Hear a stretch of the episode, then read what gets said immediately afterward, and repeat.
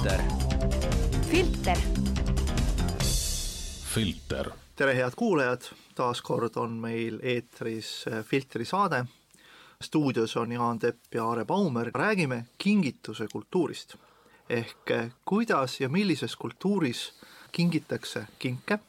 mis nähtused sellega kaasnevad näiteks idakultuuris Jaapanis ja millised on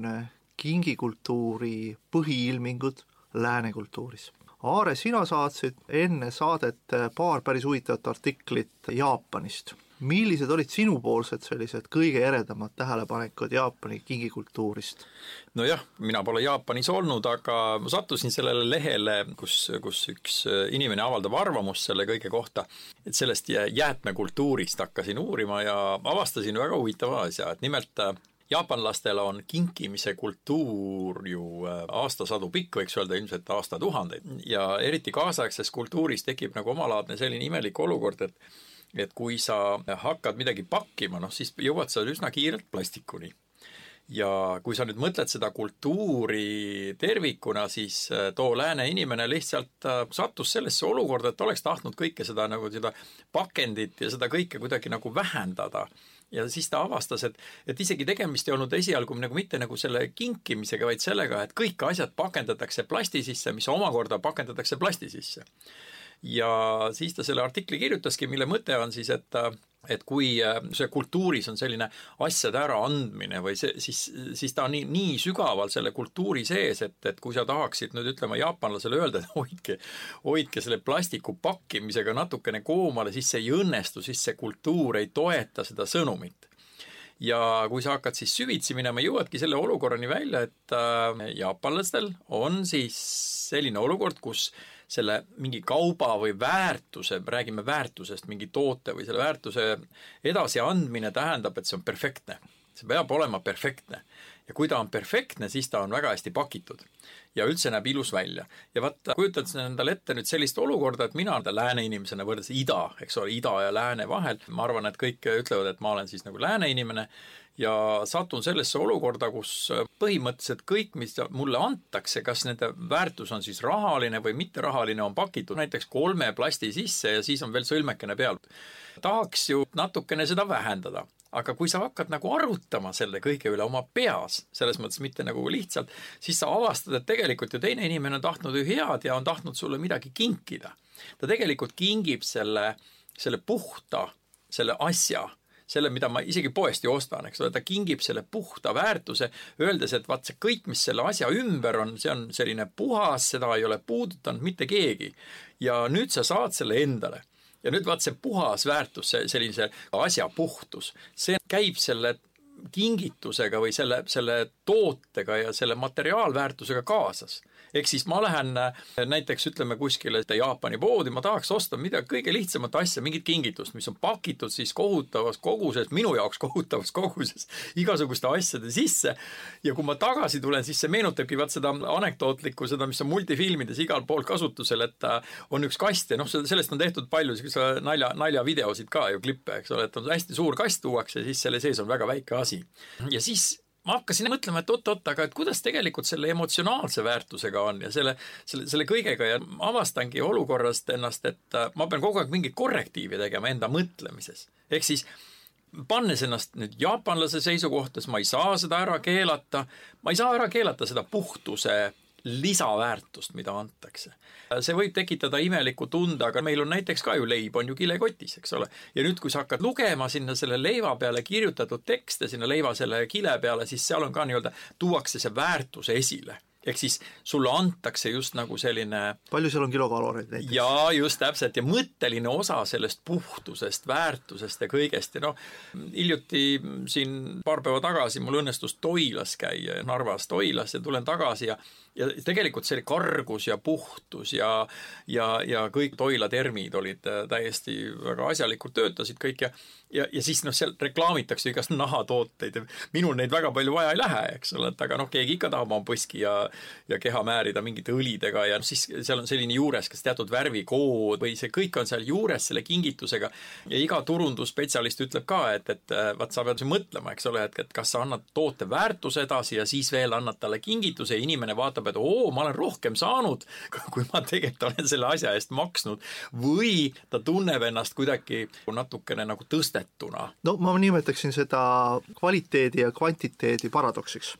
ehk äh, mõnes mõttes, nagu sa ennem ütlesid, et Jaapani kultuuris kõike armastatakse mitmekordselt nagu pakkida, siis see ei ole vaid äh, tavatarbimise äh, nähtus, vaid see loomulikult ongi just see kingituse kultuur tervikuna ise. kui sa ikkagi teise inimesega esimest kord kokku saad, sulle ikkagi kingitust tuuakse. ja nüüd küsimus ongi see, et miks pakitakse. pakkimine iseenesest, hügieen kui selline on üks nähtus selle juures. see pakkimise ilu ja see esteetika on teine asi seal. küsimus ongi nagu selles, et kui palju sa paned tähelepanu ja aega sellesse kinki. meie kultuuris võib-olla, kui isegi kui on mingi sünnipäeva kingi kokkupanemine, me kipume sellele kingituse valikule andma väga vähe aega noh, kõige lihtsam on see, et võtan ümbriku, panen ähm, kakskümmend eurot sisse, asi on tehtud, las ta ostab ise. aga see natukene nagu näitab seda, et, et ma nagu ei väärtusta võib-olla kingituse tähtsust, mis on erinev äh, siis läänes, võrreldes nagu, nagu idakultuuriga, ütleme just nimelt Jaapani kultuuriga. ja selles artiklis, mis sa saatsid, ma näiteks lugesin ka nähtust, kus tihtilugu, kui kingitakse mingisugust kingitust, siis need kingitused tihtilugu isegi ei avata, vaid nagu kingitakse pärast ka edasi, sellepärast et see, mis selle kingipakett, paki sees on, polegi nagu niivõrd primaarne, kuivõrd oluline on see žest ise ja see pakkimise kunst. ja vot selle pakkimise kunsti ja kingi kultuuri siis laienemine tava elusse, võib-olla päädibki sellega, et, et kõike nagu Jaapanis ja idas pakitakse nagu mitmekordselt plastikusse ja see tekitab väga suure surve siis looduskeskkonnale. noh, et kui nüüd vaadatagi, kuidas siis üks või teine ühiskond kipub või, või proovib sellega hakkama saada, selle plastikusurvega loodusele, siis Jaapanis tegelikult on vastukaaluks ju prügi sorteerimine ja see plastiku sorteerimine väga hästi paika saadud. küll aga on tervikuna selline plastikuuputus ja plastikusurve keskkonnale Aasiast tulenevalt palju suurem, kui ta on näiteks lääne kultuuris. Ehk, ehk siin on mingi omamoodi nagu paradoks, et meie ka üritame kõike mõnes mõttes mõõta sellise rahalise ja praktilisuse väärtusega ja mõtleme vähem ütleme, keskkondlikule aspektile. Ja, ja Aasias võib-olla jällegi vastupidi, võib-olla ongi see nii-öelda see hügieen, kus inimeste arv on suurem, meil on seal võib-olla selliste võimalike haiguste osakaal on suurem, et seal on selline hügieeni ja, ja puhtuse nõue mõnes mõttes suurem, mistõttu nad ka pakivad kõike mitmekordselt kilesse. aga milline on sinu arvamus sellisele keskkonnasurvele või kuidas siis, kui me pakime nagu niivõrd mitmekordselt erinevatesse pakenditesse ja milline see keskkonnasurve ikkagi siis lõpuks on? vot see on äh, ju üks-ühele seotud sellega, mida me oleme mõnikord äh, ju arutanud ka mitmetest kohtades, et äh, ülgeküttide ja vaalapüüdjate igapäevatöö on ohus selles mõttes, et lihtsalt kultuurimuutused pööravad neid, äh, nihutavad, tegelikult survestavad ehk siis ühel hetkel äh, marsib keegi uksest sisse, meil siin Eestis on ka ju räägitud, et kuidas hapukoort müüa. et kui sa, äh, kui sa mäletad kenasti need klaaspurgid, seal olid ju hapukoorepurgid olid, eks ole, ja siis oli see alumiiniumkile oli peal seal selline ja siis viskasid selle minema, siis said üsna rumala väljanägemisega purg lõpuks ju tegelikult, kust oli kõik lusikaga välja kraabitud. ma mäletan, kui mina pidin neid pesema nõusid, mul tegelikult nõude pesemine meeldis, aga need nägid hästi koledad välja, selle pudeliharjaga, huh-huh, need olid päris hullud. et äh, ja rõõsakoore pudelid olid ju ka need klaasist, et asi on millegi sisse pakitud. kui vaadata nüüd ütleme korraks nagu samaaegselt paralleelselt praegu kuulajale ka öelda, et et kui me vaatame mingeid reklaame näiteks Ameerika või, või, või Inglise kultuurist, siis, siis oli ju piimamees ja siis oli see kass, eks ole, kes, kes kiskus selle pealt ära seal ja jõi pudeli pool ära või veerandi vähemasti ja siis kleepis selle tagasi, selle, selle kile. kui sa nagu mõtled, et keegi, keegi toodab, see on nii sügaval kultuuris sees, et me tegelikult peab olema hästi ilus ja siis peab olema see gaas seal peal ja kõik korras ja kas oli nii, et roosakoore pudelil, see oli see väiksem pudel et seal oli siis teist värvi kile oli peal, see alumiiniumkile. alumiiniummüts oli peas, jah. just, täpselt. aga noh, hügieeni moment on selles suhtes väga oluline, kui me vaatame ka Covidi kontekstis, et, et kus meil ikkagi äh, inimeste tiheduse juures, mis on Aasias tunduvalt suurem kui näiteks äh, läänemaailmas, noh, me küll ei räägi siin võib-olla New Yorki ja me ei pea siin silmas nagu Londonit, aga kui me võtame näiteks Eesti, kus on ikkagi see selline inimeste asustustihedus on madalam ja seetõttu ka haiguste levik on võib-olla madalam, siis Aasias on ikkagi see hügieeni tarvidus on kordades suurem ja, ja võib-olla sealt ka natukene tuleb see topeltpakendamine, noh ütleme, ühelt poolt on see kultuuriline taust ja teiselt poolt on siis, paneme sinna juurde siis selle praktilisuse poole. ja, ja kolmandaks on ikkagi nagu plastikutööstus kui selline tervikuna ka, eks, ega, ega kui meil täna poes väikeseid kilepakendeid juba hinnastatakse, siis see on väga õige samm, et noh, ennem kui sa selle kilepakendi võtad, siis sa natukene mõtled, et siin on jälle nagu viis senti, mis, mis sinu arvelt nagu maha läheb aga, aga see on ju praktiline, noh et kuigi me ütleme, et, et läheme turule ja, ja läheme oma nõudega, siis noh, igapäevases elus võib-olla on natukene tüütu ja pluss ka see, et kogu siis ostuprotseduur kui selline on meil ju niivõrd palju muutunud suurte kaubanduskettide tekkega. kui ennem inimene käis turul ja ta katsus ühte, ühte puuvilja ja teist juurikat ja, ja nuusutas kolmandat kala ja, ja, ja, ja üritas aru saada, kas lihatükk on värske või mitte, ja siis ta ütles, et okei okay,, pakida mul siis, sellist kunagi ma mäletan, olid suured sinaka tooniga paberid, millesse siis doktorivorsti mässiti. et, et lõpuks panid selle ahju alla ja, ja said veel natuke sooja ka, täna ikkagi kõike meil pakitakse kilesse, ongi nagu selline praktiline lähenemine, aga, aga jah, et kui nüüd tulla selle, selle kingikultuuri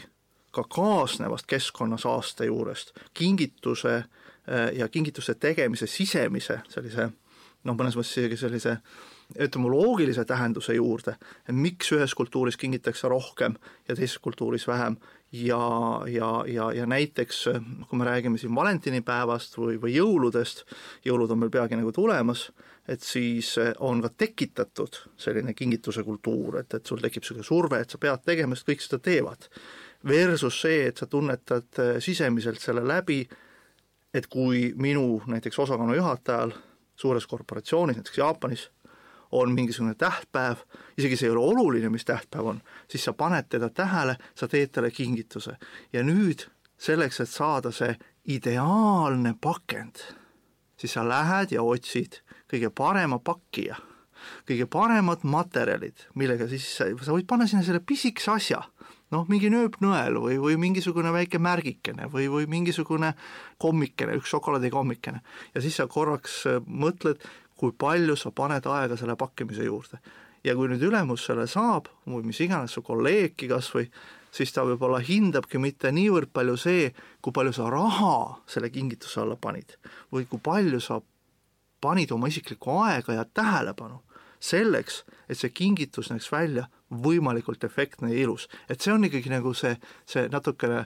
selline sisemise kultuuri küsimus versus noh, praktiliselt teeme selle asja ära ja teeme ta võimalikult kalli kingituse ja, ja või anname siis nagu ümbrikus äh, raha ja tehtud-unustatud äh, aitab küll. jah, vaata, kui sa rääkisid, siis minul oli väga huvitav vaadata, see meenutas mulle sellist redelit kui sa rääkisid. miks mul tekkis, noh,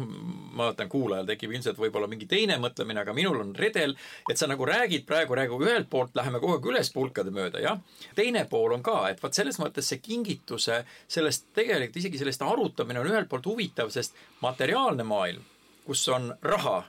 nii-öelda kingitusel on väärtus ja siis pakendil on väärtus ja kinkimise aktil on väärtus. ja teiselt pool on siis selline emotsionaalne pool ja nad tegelikult on omavahel tihedalt seotud ehk siis väga huvitav on, et kui me näiteks räägime pakendi väärtusest, jah, siis kohe pa-, need, kes pakenditega tegelevad igapäevaselt, ütlevad kohe, väärtus on see, väärtus on see, väärtus see. mina käin üsna tihti pakendikeskuses. ja ma ütleks, et pakendi väärtus näiteks, kui sa ostad, ütleme, tuhat tükki midagi, on suhteliselt väike. Sa räägid ja mul tekkiski väga lõbus moment, et näiteks ma võtan kuldreneti,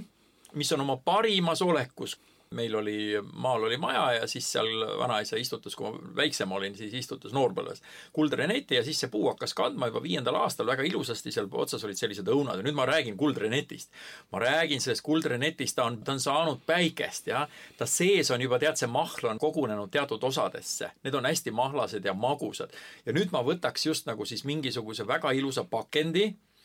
ja ühe õuna panen sinna sisse nüüd loomulikult sellel kinkimisel on väga, ütleme, lühike ajavahemik, ma pean ära kinkima, enne kui ta hakkab, hakkab juba mädanema. aga, aga siis ma nagu kujutan endale ette, kui väärtuslik see on, kui, kui ma nüüd võtan kõik, kõige paremad materjalid ja kõik muu ja siis näiteks sõidan temaga linna ja annan väga heale inimesele, keda ma tunnen, sellise õunakingituse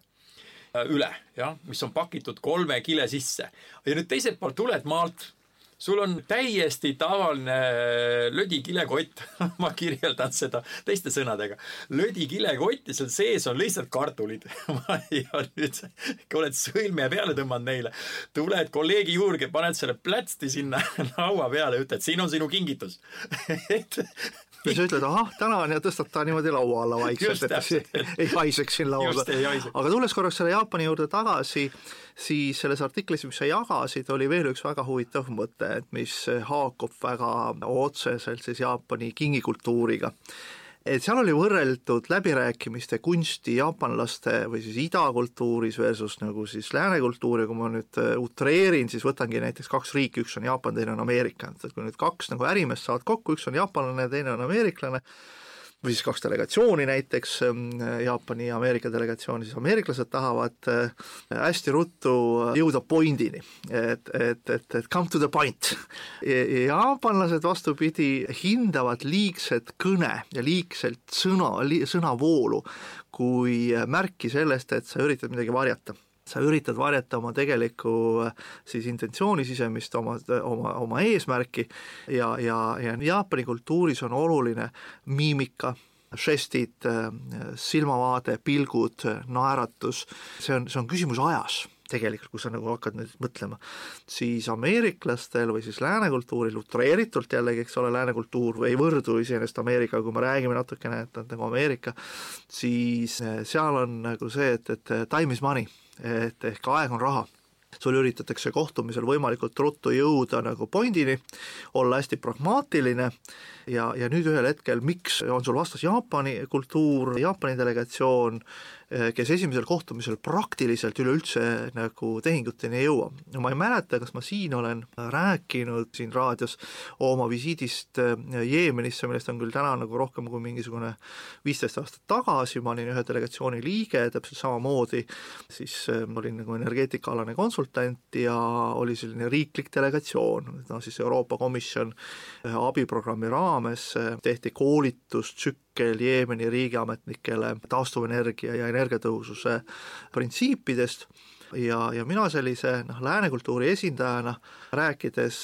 siis algul nagu sellisest tehnilisest osast, siis äh, seadusandlikust poolest ja lõpuks äri praktilisest poolest. Ja mina üritasin võimalikult ruttu jõuda ikkagi nii-öelda põhipunktini, et, et kuidas peab ikkagi asi käima, millised peavad olema toetussubsiidiumisüsteemid, millised peaksid olema siis omaniku äh, rollid ja, ja kui mina oma sellise ettekande ära tegin, ma vaatasin, et, et minu vastas olev delegatsioon jäi natuke nagu hämmingusse, jäi natukene nagu vait. Ja siis oli seal laua taga ka Jeemeni investeeringute agentuuri juht, kes siis väga viisakalt ütles, et well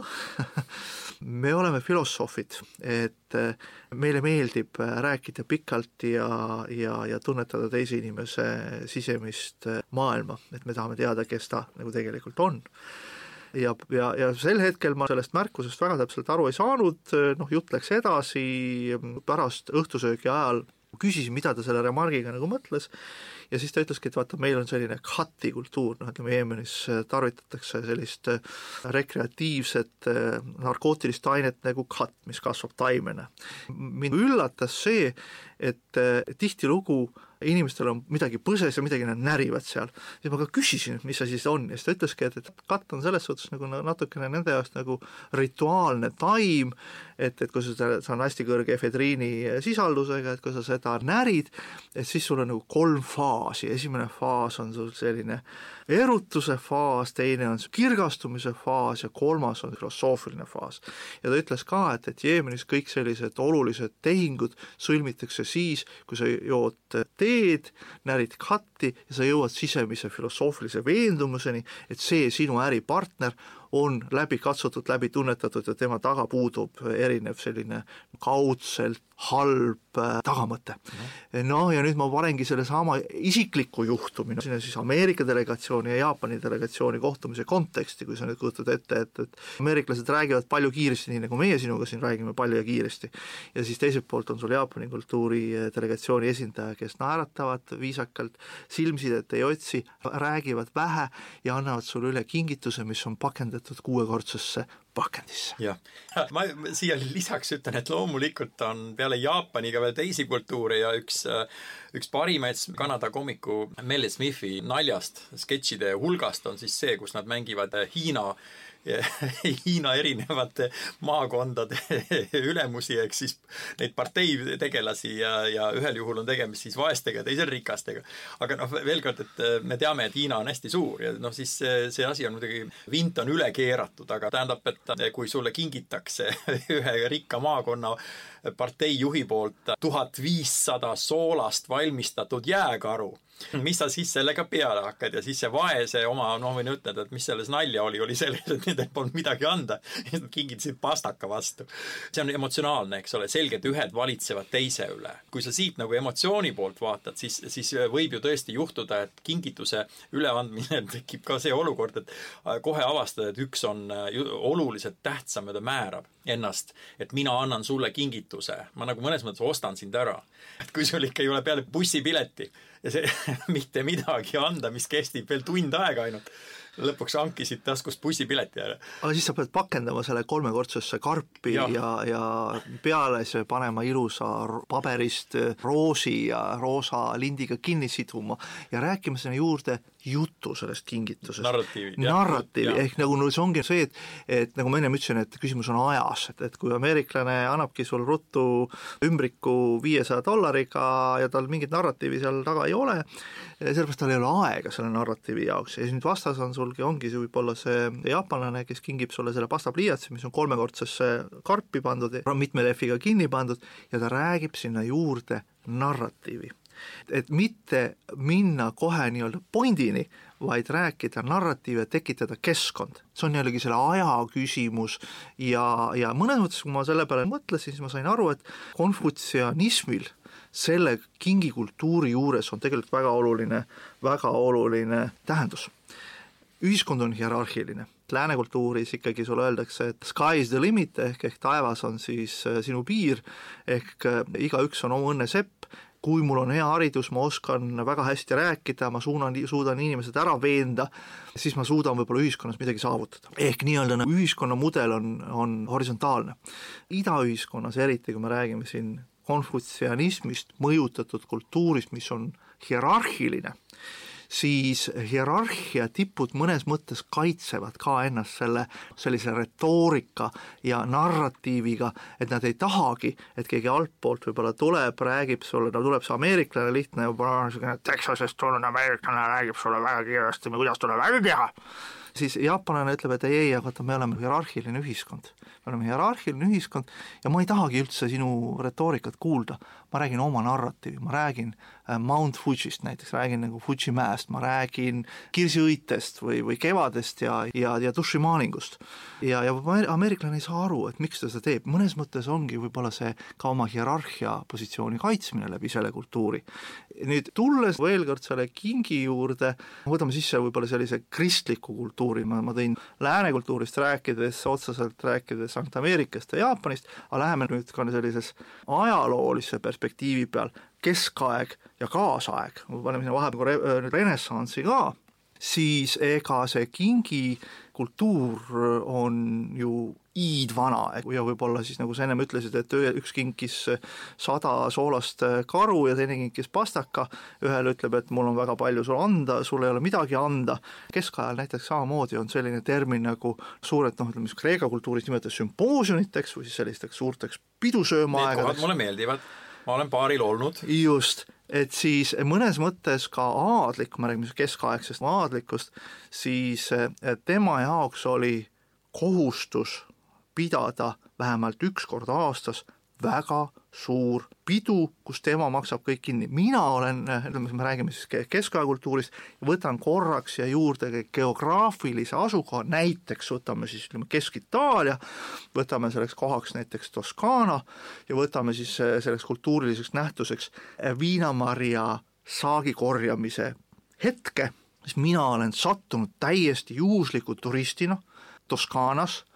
ühte veinimõisa või mõisa, kus just lõppes saagi korjamine ja, ja veini tegemine.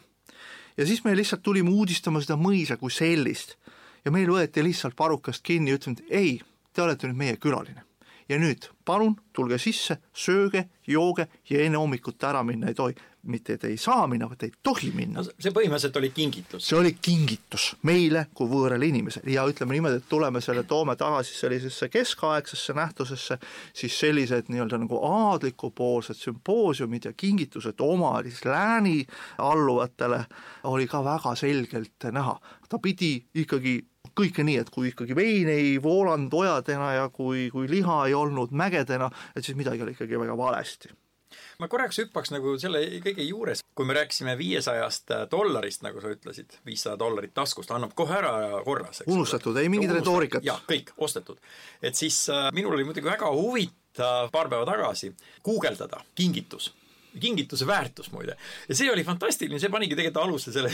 meie tänasele arutusele, sellepärast et ma ei tea, mida Google minust mõtles, aga ma võin sulle öelda, mis juhtus.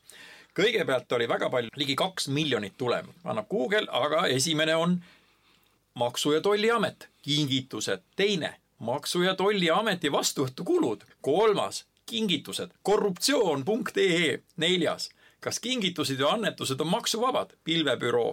viies, Omniva, tolliteenused, tolliinfo saadetise saamisel. ja siis alles tuleb kinkekaart ja siis tuleb kingitee ja siis tuleb vastutustundlik ja valitud kingitus ja, ja siis tulevad igast kinkekaardid. nii et äh, üks, kaks, kolm, neli, viis, viis teemat olid seotud Maksuametiga ja ma kirjutasin sinna kingituse väärtus ja Google otsis selle sellise üles, tema et oot-oot-oot, siin on päris huvitav. Väga huvitav algoritm, eks ole, et lääne kultuuri algoritm, et, et kingitus on seotud kindlasti millegiga, mis on äh, kaudselt äh, hämara tagapõhjaga. et äh, ennem ma just, kui me siia stuudiosse tulime, ma rääkisin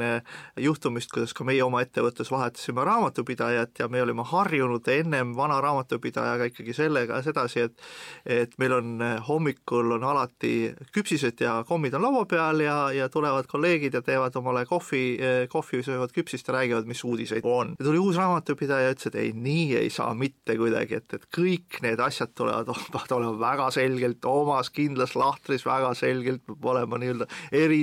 erisoodustus, maks peal, et, et see ongi nagu see, et ühel hetkel sul heategevus maksustatakse. Ja, ja see, see sinu otsing Google'is nagu näitab ka, et parem kui seda ei ole. aga millest see tuleneb, kas see tuleneb sellest, et, et meie kultuuris siis eh, peabki kõik olema niivõrd pragmaatiline, joone pealt mõõdetud,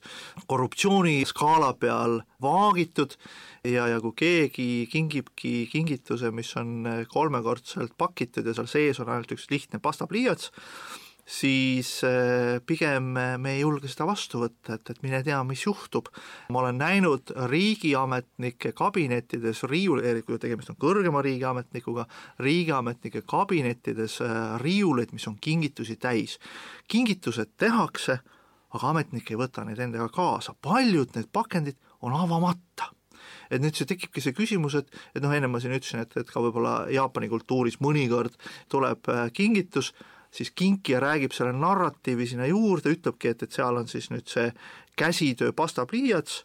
see, kes kingituse saab, kummardab piisavalt, tänab, aga ta juba teab seda kingitust. ta imetleb seda pakendit, paneb selle riiulile ja võib-olla kingib selle mõne hetke pärast edasi. et oluline on akt, mitte see, mida kingitakse, sisu. ehk nagu jällegi ma ütlesin, et see narratiiv on olulisem kui see väärtus. kui sa hakkasid rääkimagi sellest, ma loen ka siin üksikuid lausejuppe, eks, nii nagu Google pakub, et üleantava kauba maksustatav väärtus on null ja maksukohustust ei teki. aga kui sa ütlesid, ametnike selja taga on riiulid, no me kõik teame neid kingitusi, igasuguseid, aga mis sa arvad, kurat, kuhu satuvad kõik need suured vaasid, tuhanded soolast jääkarud, mõõgad, kuhu need kõik satuvad pärast? mina sattusin nägema vist Pealtnägijat mõni aasta tagasi, kus on Riigikogu, Eesti siis Riigikogu kingituste kelder. Salaja suure paksu metallukse taga on siis äh, ruum täis riiuleid, mis on täis erinevaid kingitusi. Ja siis see varahoidja, tõesti sobran mälus, mäletan, üritan seda pilti omal ette kujutada, kuidas siis Riigikogu vist haldusjuht või kes iganes ka ei ole, läks sinna siis nii-öelda raudukse taha, võlvitud ruumi, mis oli täis riiuleid äh, ja täis kingitusi ja siis ta tõstis üht, tõstis teist, ütles, näed, see on sellelt poliitikult tulnud, see on tollelt poliitikult tulnud ja aeg-ajalt me need ilusamad kingitustest teeme näituseid. Ehk Riigikogus tuuakse välja, tehakse mingi eraldi stend ja näed, et, et näiteks kusagilt Nigeeria kolmanda tähtsusega sugurahu pealik kinkis meile selle trummi mis ja räägib sinna juurde selle narratiivi. ehk taaskord ka ise natukene nagu riigiametniku taustaga kunagi olnud, minu esimene selline ahaa-situatsioon tekkis siis, kui ma käisin New Yorgis ÜRO peahoones ja mulle näidati, teades ma olen eestlane, ja siis mulle näidati, et vaadake, Eesti delegatsioon kinkis meile rahvarõivastes kolmemeetrise, kas oli mingi nukk, ja, või mingi vaip sinna juurde. Ja siis räägiti mulle seesama narratiiv, mida siis tõenäoliselt siis Eesti suursaadik ÜRO juures selle kingituse üleandmisel andis, aga nüüd läbi mingi ajalise prisma ja väikese väändega räägiti, et, et, et mis see narratiiv siis oli, eh, mis selle kingi juurde käib, aga see narratiiv elas selles ÜRO, New Yorgi ÜRO peahoones see narratiiv elas Eesti riigi kohta, nii et mõnes mõttes jällegi, et ka minu mõte või idee iseenesest võikski see olla, et kingituse juures on oluline narratiiv, mitte see väärtus. ehk, ehk taaskord üleskutse, et lõpetagem selle viiekümne või kahekümne euroste kinkimine nendes ümbrikutes, millel ei ole mitte mingit narratiivi. oluline võib-olla ongi ikkagi see, ma lähen mõtlen, mida ma kingin, see võib olla see lihtne pastapliiats, aga ma mõtlen selle narratiivi sinna juurde, ma ei pea seda pakendit isegi lahti tegema aga ma räägin selle narratiivi, sest see jääb palju rohkem meelde kui see, et, et ma andsin kakskümmend eurot ja, ja siis võib-olla siis selle kahekümne euro saaja lähebki ühel hetkel turule, ostab selle koti kartulit ja natukene peeti ja võib-olla šokolaaditahvli ka. Ja unustatud jällegi sama asi, et äh, kui on see materiaalne väärtus sellel äh, kaubal, et siis äh, nägin ühte väga huvitavat ja lugesin väga huvitavat teadustööd, kus oli uuritud seda, et, et mis juhtub kingi üleandmise hetkel sellisel juhul, kui inimene ei ole eelnevalt tõesti mõelnud seda läbi, et ja annabki kas siis rahale väärtuse või, või et kas ta peakski andma mingi väärtuse, millel on mingi spetsiifilised tehnilised parameetrid. ehk siis need parameetrid on säärased, et et ta teab, et äkki ta kasutab selle ära. noh, köögikombain näiteks, et äkki ta kasutab selle ära. või ta, või siis parem saata mingi pilt või noh, saata, vaid minna koha peale, et sul on mingi pilt, mingid mälestused mingist ajast, et kujutad endale ette, et sa lähed, sa oled saanud kutse, lähed kellegi väga kauge tuttava, õigemini öeldes koolikaaslase sünnipäevale näiteks ja ütleme, et ta on juba vana inimene, ta on juba kõike ära ostnud juba, tal on kõike vaja, no mida sa talle ostad? ja mida? Kingid talle jalgratta. jaa, just jalgrattakingid või midagi muud. pärast, ütleme aasta pärast lähed vaatad, jalgratas seisab. ja, ja ta ei ole sõitnud sellega kordagi, et ma ei ole sõitnud. ta on pensionär. jah, sisuliselt, aga, aga jälle seesama asi, et, et see, me, sa tead juba nagu ette, et see kingitus jääb seisma ja siis, kui sa tahaks emotsionaalselt kas või selle mingi foto ära raamida ja kinkida talle, et siis selle foto kinkimine, et see on noh, umbes niimoodi, et selle teadustöö tulemus oligi see, et me tegelikult emotsionaalsel pinnal oleme nii ebakindlad, et me võtame vastu valesid otsuseid ja lähme parem poodi ja ostame mingi uue köögikombaini näiteks. ja elatustaseme tõusuga võibki tekkida see olukord, et kui sa oled siis natuke tausta uurinud ja su koolikaaslane on sinust nii-öelda kõrgema elatustasemega, aga mis sa siis talle kingid? noh, selleks on tulnud ju need kinkekaardid aga võib, võib-olla ta üldse ei lähegi sellega kokku, selle tarbijaühiskonnaga, et, et vaat siin on nagu see küsimus, et kas siis, kui sa ütled näiteks, et raha ei kingi, aga kingiks siis näiteks no mille siis? see ongi, see, see tulebki oluline vahe sisse, kas mina teen kingituse või ma annan võimaluse inimesele iseendale kingitust teha ehk kui ma annangi talle kinkekaardi või siis selle kakskümmend eurot seal ümbrikus, et siis justkui ma ütlen, et tee iseendale kingitus. et see on natukene selline egotsentristlik lähenemine, kui ma ikkagi kingingi selle raamatu või, või pastapliiatsi koos selle narratiiviga, et, et siis ma võib-olla natukene annan kingin nagu iseennast, ma nagu vaikselt nagu avan ennast, annan selle, et mis on mulle väärtuslik, et et see ongi nagu see, et, et, et sa kingid mitte see, et mis tal vaja on või mida tal enam, mis tal elus puudu on, kui ta on oma võib-olla juba, juba oma elus kõik saavutanud, tal on kõik olemas, sa ei olegi, ei oskagi nagu midagi kinkida, ma olen ka küsinud teinekord mõne inimese käest, et mis ma sulle kingin ja mul saan vastus, et ära kingi midagi, et mul on kõik olemas. et, et siis tekibki sul ainukene võimalus see, et sa kingid tükikese iseennast ja nüüd küsimus ongi see, et siis sa nagu lõpuks kingid äh, natukene tükikene nagu iseendast. ja, ja, ja see võib-olla ongi oluline tuua selle nüüd sellisesse kristlikusse kultuuri või piibellikku konteksti, siis me ju kõik teame ju kolme idamaa targa lugu, kes tulid ja tõid kingitusi Jeesuse lapse sünni puhul. Kingituse äh, kultuur on oma olelus, olemuselt äh, puhas, hea ja peakski olema suunatud mitte praktilisele küljele, vaid ikkagi nii-öelda sisemisele, et, et kui me jõuame tagasi sinna Jaapani pakendamise kultuuri juurde, ka see võib olla seesama kuldrenett, üks ilus, puhas, lõhnav, sa ei kingi talle kümme kilo kuldrenetti, sa võtad ühe, kõige ideaalsema, kõige puhtama, kõige lõhnavama ja sa pakendad ta korralikult ja räägid selle narratiivi sinna juurde võtsin praegu lahti siin, me oleme küll kristlikus kultuuris nüüd, aga kaasajas. ma hakkasin vaatama siis kingituste pealt, mida pakutakse. mida sina, Jaan, arvad, kas sa võtaksid adrenaliinirohke lennu paraplaanil? Kõlab huvitavalt. aga langevarjuhüpe ja koolitus? kõlab ka huvitavalt. nii, aga laskmine käsirelvadest? pigem ei. toiduelamus? pigem jaa. no siis ma vaatan sind ja mõtlen, et šokolaadimassaaž Tallinnas pigem ei sukeldumine veealuse vangla varemetes koos parvesõiduga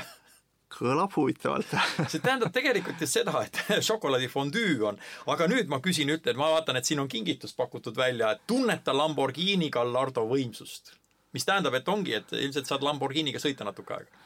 No see jällegi see, et eh, kui selline kingitus mulle tehakse, siis ma mõtlen selle peale, kas kinkija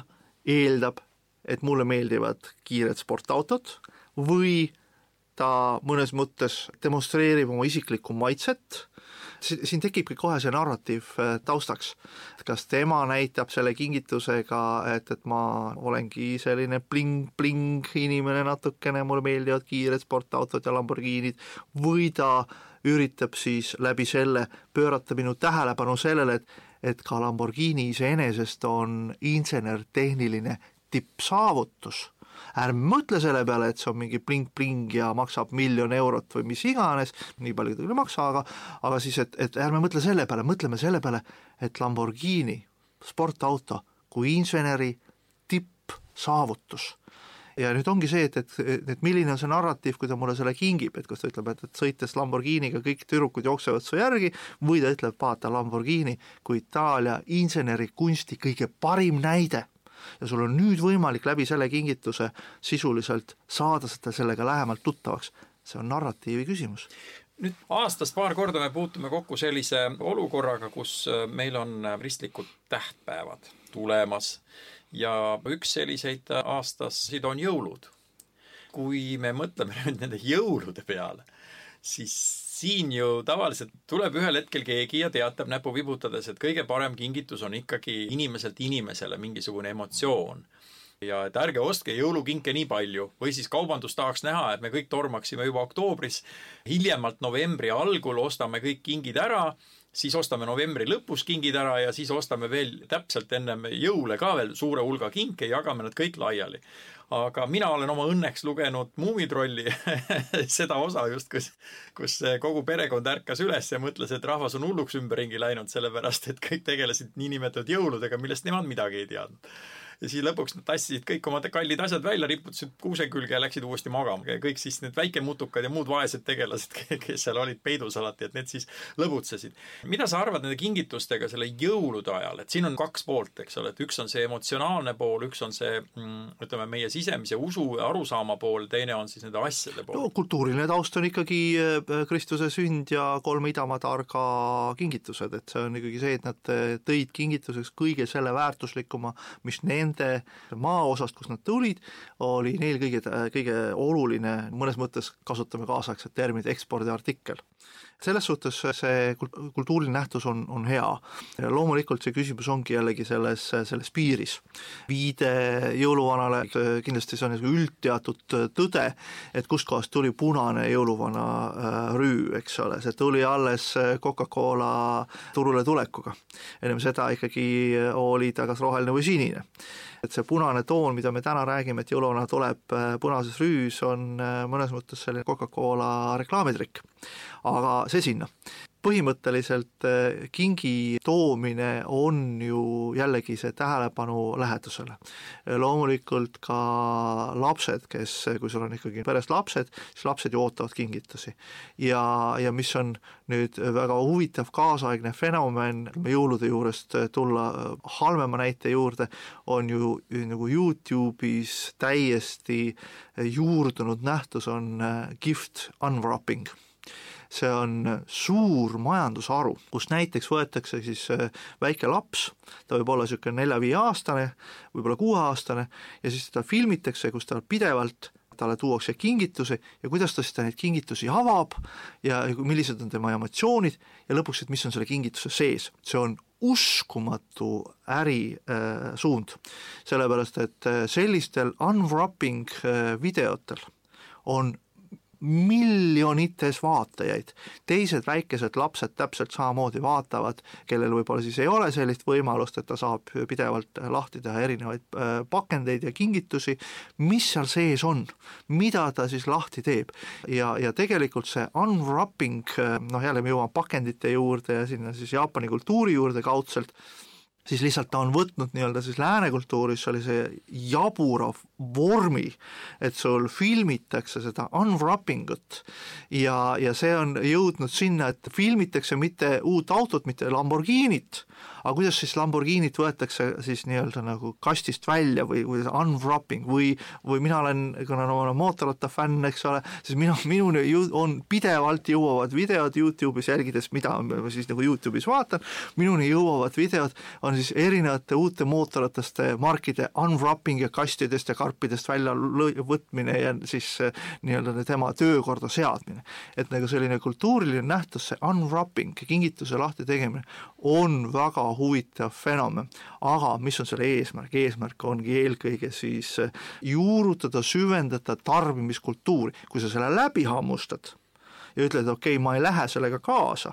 vaid minu jaoks on oluline jääda seisma seal, seal, kus siis ütleme siis eh, Jaapani kingikultuuris ongi see narratiiv, oluline ei ole, mis seal sees on, mis on erinev siis nüüd mõnes mõttes sellest wrapping, unwrapping kultuurist, mis tuleb meil Youtube'i kanalite kaudu, vaid oluline on siis see Jaapani kultuuris, kuidas see pakend on tehtud, kui hästi ta on pakendatud, kui ilus see pakend on ja mis on see narratiiv sealjuures. ega ma siin ilmaasjata jõulusid meelde ei tuletanud, et äh, rääkisime jõulupakkide, pakkidest ja lahtivõtmistest, aga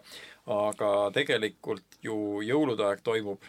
üks selline sündmus veel, kus äh, antakse universaalne üle terve maailma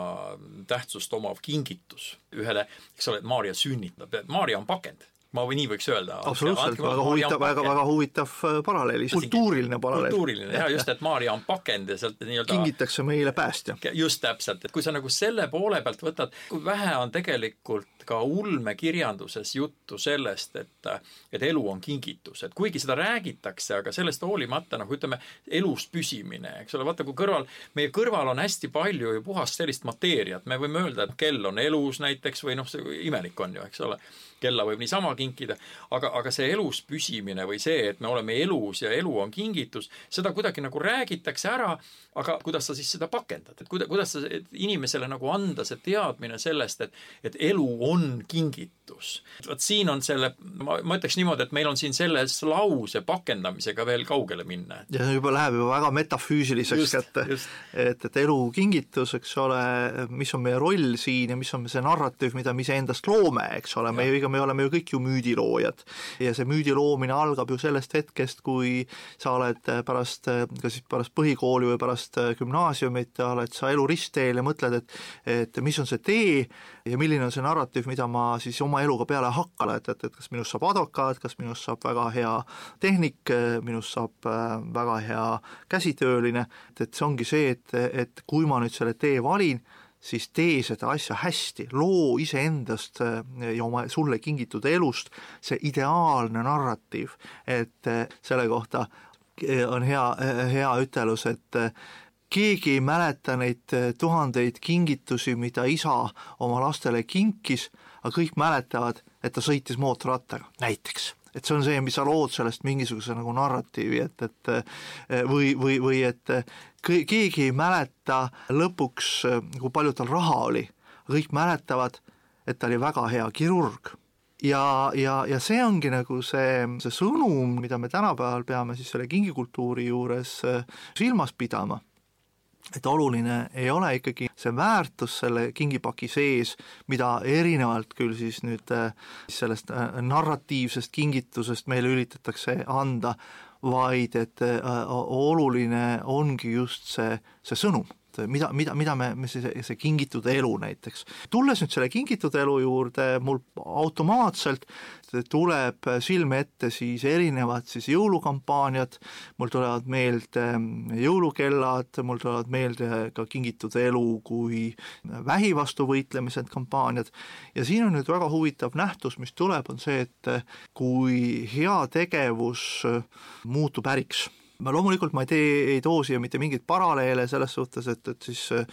erinevad heategevuslikud telesaated äh, on oma olemuselt ärieesmärgiga, sest me teame, see nii ei ole,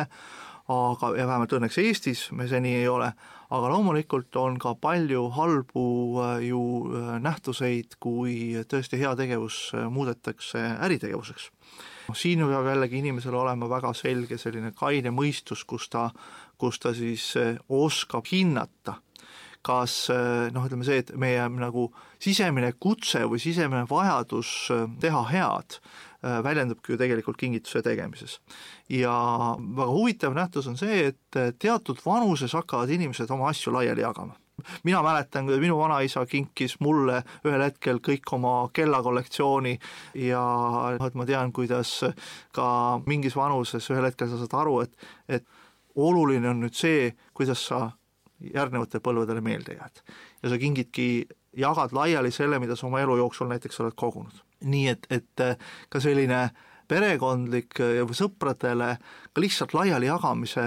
noh, ütleme sellised meeleolud on natukene nagu võrreldavad sellise nii-öelda keskaegse sümpoosiumiga, kus siis aadlik ühel hetkel ütleb, et kõik on teie, vein voolaku ja, ja toit voolga mägedes, et, et sa saad aru, et, et sellist žesti kui sellist on vaja nii sinu sõpradele kui sulle endale, kuidas sa lõpuks meelde jääd? ma jälle küsiks niipidi, et äh, aga et mida sa arvad, kas annetuse ja kingituse vahel on mingi nagu põhimõtteline vahe või? Või, või lihtsalt, et kas need tegelikult on enam-vähem sarnased mõnes mõttes? Nad on nagu sarnased, äh, nad on nagu sarnased ja siin ongi jällegi see küsimus see, et, et see, sa selle, selle annetuse andmisel, see on ju see kümnise küsimus, eks ole, kiriklik kümnise küsimus, et, et anna keisrile, mis on keisri osa ja anna Jumalale, mis on Jumala osa, aga nagu selge on see, et, et see kümnis ehk noh, vanasti siis eks ole, sellist maksupoliitikat, nagu meil täna on välja kujunenud, tol ajal ei olnud, et selgelt see, et see kümnis ehk kümme protsenti sinu tuludest sa annad sa kirikule, on ju väga nagu õige. Äh, aga noh, ongi see, et, et kuna täna on riik kui selline võtnud kiriku funktsioonid endale ja siis selle kümnise on meile peale pannud siis läbi erinevate maksude, siis me justkui nagu leiame, et, et meil nagu kirikule mingisugust annetuse kohustust nagu ei peaks olema, mis on natukene vale mõtlemine, et sa pead ikkagi nagu aru saama, e, et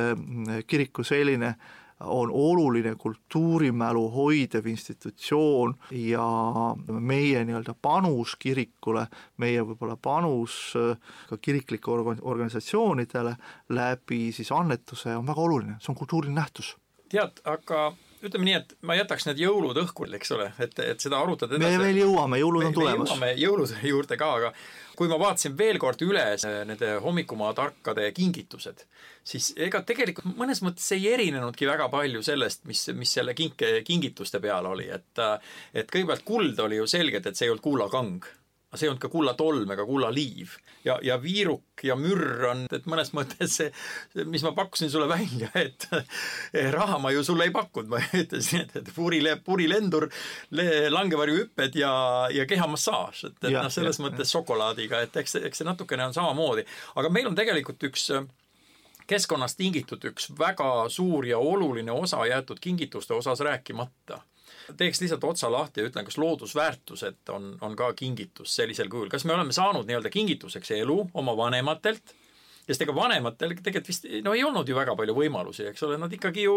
ju nii-öelda, kuidas öelda, planeerisid Jaan Teppi ju, jah, on ju nii. ja siis äkki Jaan Tepp tuleb välja, kasvab suureks ja siis tema ümber on loodusväärtused. kõik see, mis on ümber, rahvas muide lisaks veel, eks ole, inimesed, et see on kõik ümber, et kuidas sina tunned, kas see on sulle väärt-, on see kingitus sul? loodus minu ümber, loomulikult, see ongi nagu see äh, jumala looming, nii nagu inimene, on ka see maailm ime meie ümber ja, ja nüüd see ongi see paradoks, et eh, kas riik kui selline võib siis eh, ühe lihtsa allkirjaga ütelda, et, et võtame selle hiie siit maha või et võtame selle metsa siit maha või teeme siia need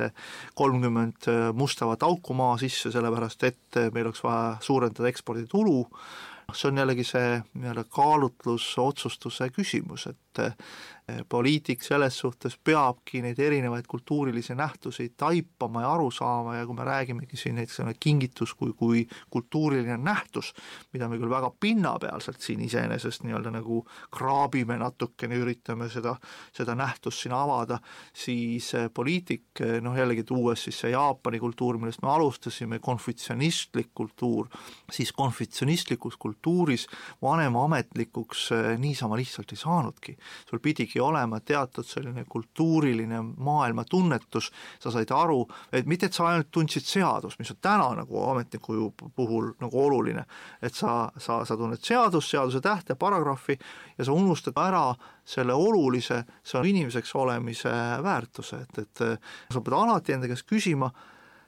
kas ma inimesena teeksin sedasama, mida ma teen ametnikuna, ehk kas ma tulen ametnikuks, panen ametniku nii-öelda nokamütsi pähe nagu, nagu äh, raudteesemafori äh, juht. Äh, ja lähen koju ja, ja siis peksan naisi ja lapsi või siis vastupidi, loen filosoofiat ja luuletust, aga siis, kui ma lähen tööle, siis ma unustan kõik nagu ära ja, ja tegutsen ainult väga pragmaatiliselt, et siin ongi see, et see konfutsionistlik selline maailmatunnetus ütlebki, et sa ei saa eristada inimese kultuurilist olemist ja tema siis ametnikuks olemist. ja nüüd, kui me räägime siis kultuuriväärtuste kõrval loodusväärtustest, et meie mets ja meie kaevandused või, või maavarad, et siis see ametnik, kes ühe allkirjaga võibki siis tuhat hektarit metsa lihtsalt eh, harvesteride alla saata, ta peaks enne mõtlema, et, et kuidas ta käitub, et, et mis on need argumendid, mis on see, mis on see narratiiv selle taga, kui ta selle allkirja annab et, et loomulikult loodus, looduskeskkond, kõik see õhk, vesi, puhas õhk, puhas vesi, maavarad, et see on, on kingitus ja noh, ütleme, kui me räägime jälle puhast, puhtast õhust ja puhtast veest, me jõuame jälle pakendite juurde. Just täpselt, seda ma pidingi ütlema, et aga, aga vot nüüd, nüüd ongi see olukord, et ajanool nii-öelda tiksub, miks ma ütlesin selle jõuludest, et ma korraks jõuan ikkagi jõulude juurde tagasi, et ajanool tiksub ja juba on oktoober, siis tuleb november ja, ja juba tulevad siis sellised võimalused, et sa võid ka annetada ja siis sa võid ka midagi kinkida. ja kui sa jääd nüüd juba hiljaks, vaat nüüd juhtubki, et tulevad jõulud, jõulud on ära ja nüüd sa lähed nagu hilise jõulukingiga kellegi juurde et siis ütleme nädal aega pärast jõulusid minna jõulukingiga, ütled, et kuule, siin on sinu jõulukink, jah. ma annan selle ilusti pakendatud äh, selle foto kus me oleme peal kolmandas klassis koolis, ma annan nüüd selle sulle, see on sinu jõulukink. aga kui sa lähed nagu juunikuuses, siis,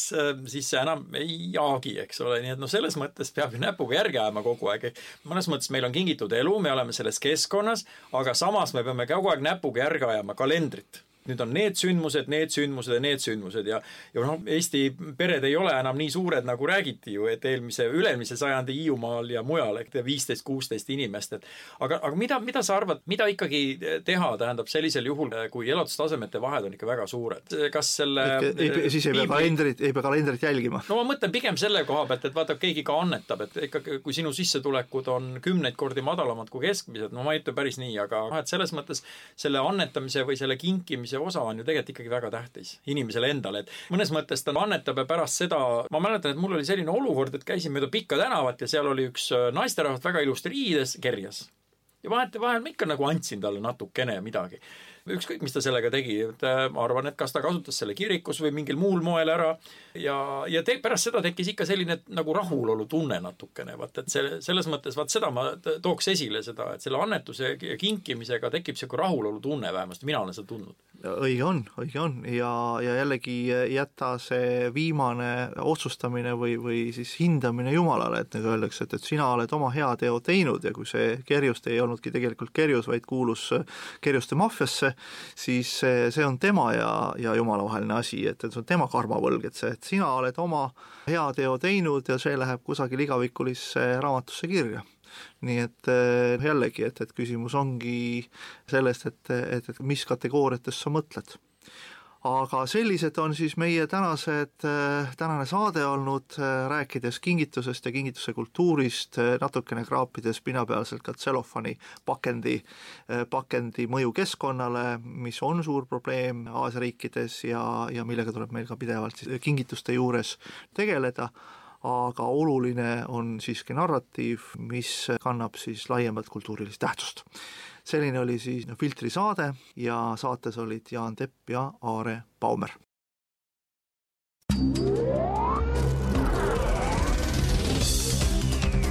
filter. filter. filter